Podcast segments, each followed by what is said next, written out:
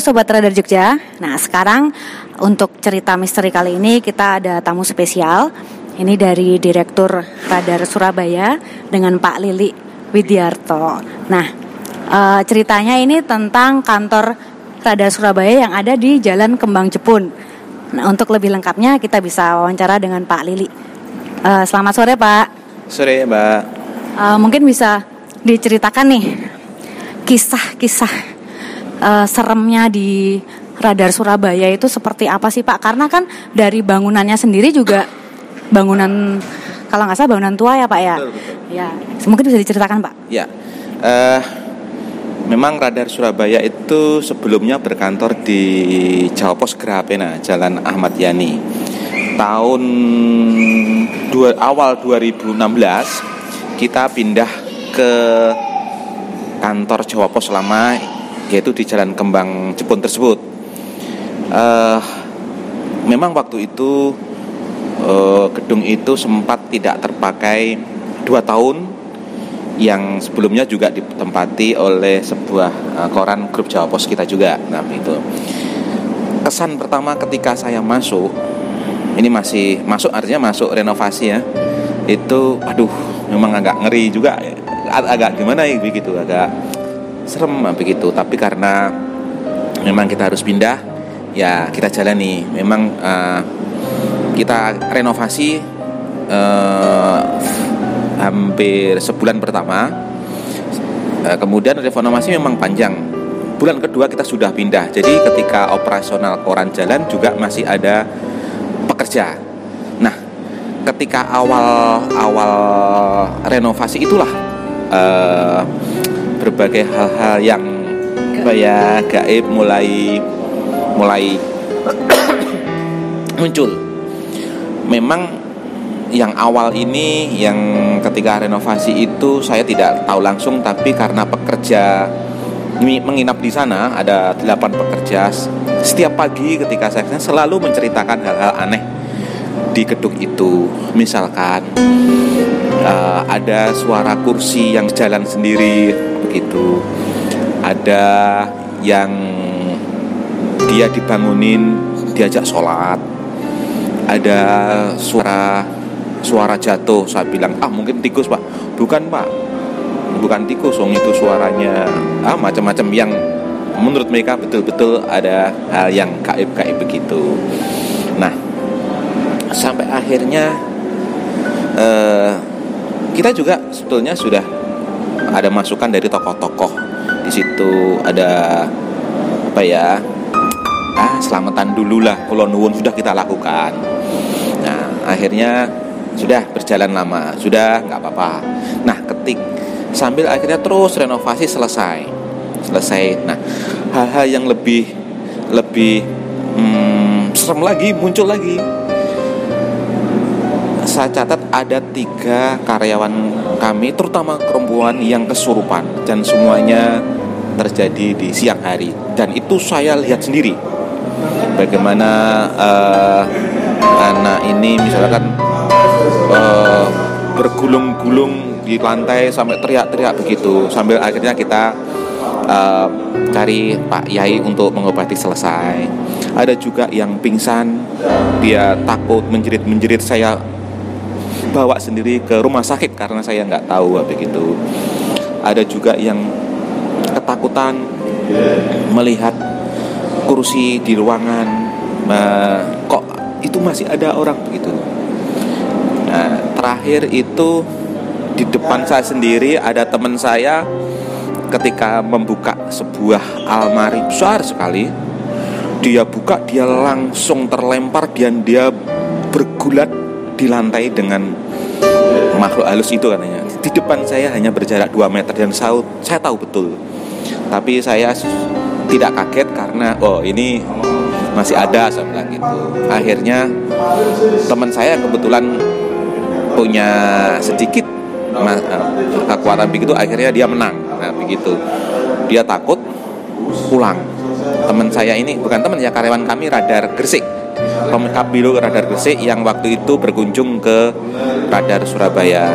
Dia bilang, Pak Lili saya pulang aja. Loh kenapa? Itu orangnya berdiri mbak cantik bergaul hijau lari langsung dia itu cerita-cerita unik tentu ini uh, tidak apa ya membuat kami teman-teman di radar juga agak gimana ya caranya semua resep kita uh, turuti.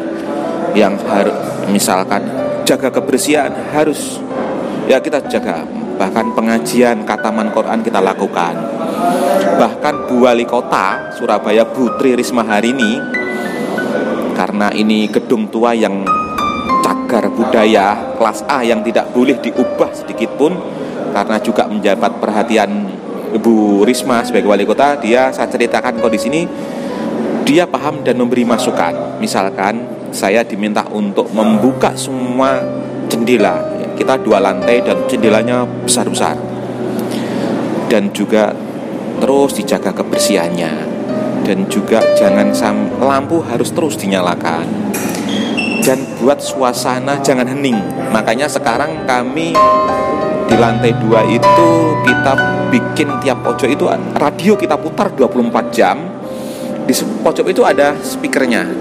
Sehingga oh, kita tidak perlu operator yang operator yang mbak-mbak radio itu akhirnya. Jadi suasananya akhirnya agak rame. Nah begitu. Uh, terus itu kita jaga terus terutama teman-teman harus apa ya misalkan berdoa sebelum masuk harus berdoa. Kita biasakan masuk harus berdoa semua begitu. Karena ini gedung tua. Jadi dibangun tahun 1880 bisa dibayangkan begitu tuanya begitu. Dan saya tahu di situ penghuninya adalah uh, dari apa ya Belanda. Saya tahu dari teman saya jadi bukan teman saya tadi karyawan kami namanya Yolanda Yolanda dia ngomong sendiri ketika kesurupan itu kita datangan Pak Yai ada dialog Yolanda dengan Pak Yainya ini yang mengobati ini ditanya dia menjawab namanya yang laki Mr. Josh Mr. Josh ya, begitu terus temannya dua orang yang masuk ke Yolanda ini sama Seril nah, begitu dua orang nah begitu jadi kelihatannya ini uh, eh, Mr. Josh ini selalu tertarik dengan kaum perempuan. Saya catat tiga anak buah saya, karyawan saya, semuanya perempuan yang terkena semua. Dan selalu Yolanda. Yolanda ini memang namanya aja seperti orang Belanda, Belanda ya. orang Belanda sehingga begitu. Bahkan ada juga terakhir manajer keuangan. Jadi ada empat orang perempuan semua yang kena sama kesurupan di siang hari. Saya tahu betul karena teman-teman kalau ada kesurutan nggak bisa mengatasi selalu telepon saya dan saya di mana pun akan balik kantor untuk uh, saya harus atasi ini karena ini anak buah saya. Nah, uh, yang terakhir ini manajer keuangan ini hampir setahun sembuh tapi belum bersih total.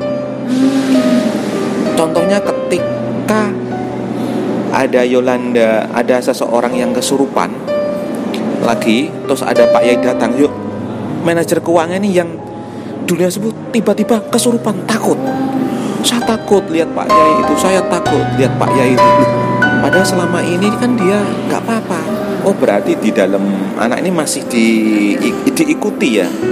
Sehingga ketika dia uh, ketemu Pak Yai itu langsung takut. Dikira Pak Yainya akan me, apa ya? Membersihkan, membersihkan dari dia. dirinya. Begitu bahkan yang uh, office uh, apa ya housekeeping kami Ibu Nur namanya masih muda sampai akhirnya keluar. Karena tidak berani uh, begitu uh, dia kan kalau pagi jam 6 pagi jam 7 belum banyak orang dia sudah bekerja. Dan itulah dia sering di dilihatin, dilihatin di apa ya dia tahu ini gini begitu dia sampai terbawa pulang. Sampai uh, di rumah kesurupan akhirnya kita upayakan tentu kami harus bertanggung jawab untuk menyembuhkan ini. Dan saya sendiri punya pengalaman. Waktu itu di ruang uh, lantai satu ada ruang gudang dan genset. Sangat sangat uh, apa kondisinya sangat waduh apa ya apa ya, serem begitu. Ketika itu saya maghrib. Menjelang maghrib asar saya berdiri di depan ruangan genset itu. Tiba-tiba slot atau apa ya gagang kunci itu bergerak bergerak sendiri. Ya, geledak-geledak begitu. Ini pas jarak mungkin hanya 30 cm atau ada. Tapi saya tidak melihat gerakan tapi suaranya dari ini. Karena saya sudah biasa saya tidak takut karena hari-hari saya di situ. Terus saya tanya ke teman-teman kenapa? Oh iya pak. Hari ini malam Jumat lagi baru itu saya takut langsung pulang saya. Langsung pulang. Malah Jumat lagi pak. Ya begitu. Itu.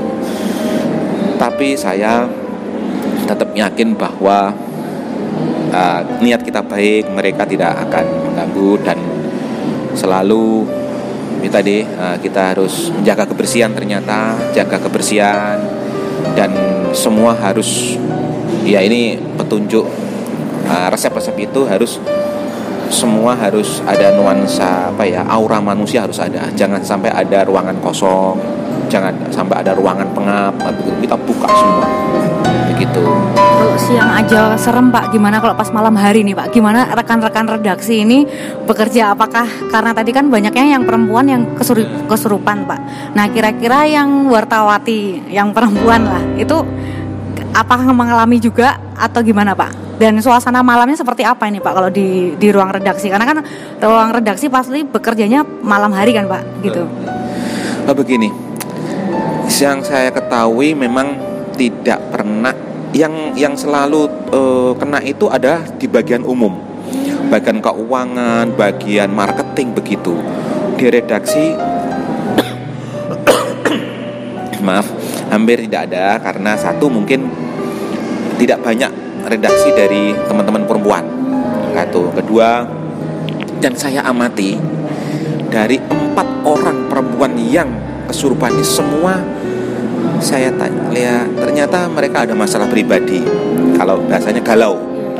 Jadi ketika pikiran kosong mereka uh, gampang kemasukan. Nah itu memang setelah kejadian saya tanya oh ternyata benar ini masalah diputus pacar masalah keluarga atau apa? Ternyata begitu. Jadi memang kalau begitu maka teman-teman harus saya bilang harus kerja harus senang niati kerja itu wisata jangan banyak pikiran nah begitu nah, dan alhamdulillah sekarang sudah hampir tidak ada sudah uh, tidak terjadi hal gitu. Tapi memang mungkin setengah atau berapa ya 10 bulan yang lalu memang kita memanggil lagi seorang kiai dari Gresik ya yang dia pintar dia ternyata katanya penunggu ini tidak bisa disuruh keluar tidak bisa disuruh keluar dari gedung itu yang bisa dilakukan adalah melokalisasi. Oh, jadi, di satu tempat. di satu tempat. Nah maka setelah minta pertimbangan saya tempat mana yang bisa dijadikan tempat berkumpulnya Pak ini Pak uh, makhluk halus ini. Iya. saya tunjukkan di sebelah lorong kecil di situ. Kita tunjukin di sini. Ukurannya sebuah lorong begitu dia hanya perlu lorong itu ukurannya mungkin ada 10 meter kali satu setengah meter tapi yang diperlukan hanya satu setengah meter kali dua saja. Saya batasi dengan pot-pot bunga yang besar. Dia pesan Pak Lili jangan sampai orang melanggar wilayah ini. Jangan sampai memindahkan pot nanti bisa keluar katanya begitu. Atau me, apa melompati pagar ini. Bahkan yang uh, saya bilang oke okay, saya bilang gitu untuk kita jaga. Yang jadi masalah adalah saya lupa bahwa di atas lokal saya itu ada apa ya mesin AC outdoor. AC-nya rusak kita nggak berani betul ini. Tukang AC-nya nggak berani akhirnya ya akhirnya beli baru AC-nya nah itu. Begitu. Dan sampai sekarang tidak terjadi apa-apa dan syukur teman-teman sekarang begitu. Dan saya sendiri eh, sering pulang jam 8 jam 9 saya tidur di ruangan juga tidak ada apa-apa. Syukurlah. Yang penting tadi saya yakin. Saya tadi semua ternyata harus bersih harus terang. Dan nggak boleh ngalamun tadi ya nggak boleh ngelamun nggak boleh galau terutama perempuan. Nah begitu. Kalau boleh saya ceritakan yang Yolanda itu bercerita secara kronologis banget yang ternyata uh, apa makhluk halus dari Belanda Mr. Jos tadi dia cerita katanya Yolanda ini mau diajak nikah oleh Mr. Jos dia cerita bahwa sudah dibuatkan istana semua bajunya putih dia Mr. Jos ini memang tertarik dengan Yolanda ini karyawan kami marketing waktu itu sudah ada istananya gaunnya putih dia cerita dia cerita sampai saya dapat merinding. Saya cerita sekarang merinding. Ya saya juga merinding nih pak. saya merinding, saya merinding. Begitu. Akhirnya akhirnya nggak kuat, akhirnya resign keluar Yolanda. Resepsionis yang saya ceritakan, yang saya buang ke rumah sakit juga keluar, semua keluar. Karena ya nggak tahu ya, gitu. Dan apa ya? Uh, sebetulnya banyak cerita dari sebelum saya masuk di uh, cerita-cerita itu sudah sudah sudah banyak masuk ke saya tapi saya harus jalani. Dan sekarang ya alhamdulillah nggak ada apa-apa lagi. Aman kalau boleh tahu Pak, untuk di radar Surabaya ini uh, kan dua lantai ya, dan itu ruangannya ada berapa ruangan Pak? Ruangan itu,